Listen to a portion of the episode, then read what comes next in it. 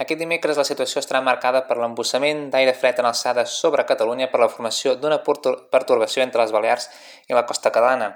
Aquesta formació serà responsable que avui encara tinguem un temps inestable amb pluja i ruixats.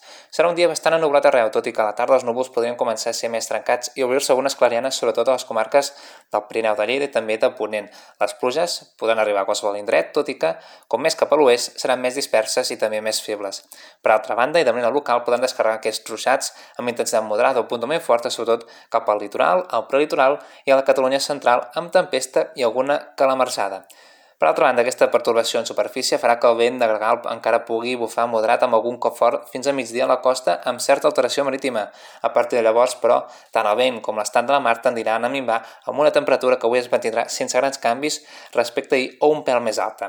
A partir de demà, però, el temps serà més tranquil, l'embossament d'aire fred començarà a retirar-se i predominar l'ambient assolellat a la majoria de comarques catalanes. A partir de migdia, però, aquest dijous creixeran algunes nublades de muntanya del nord i est del país.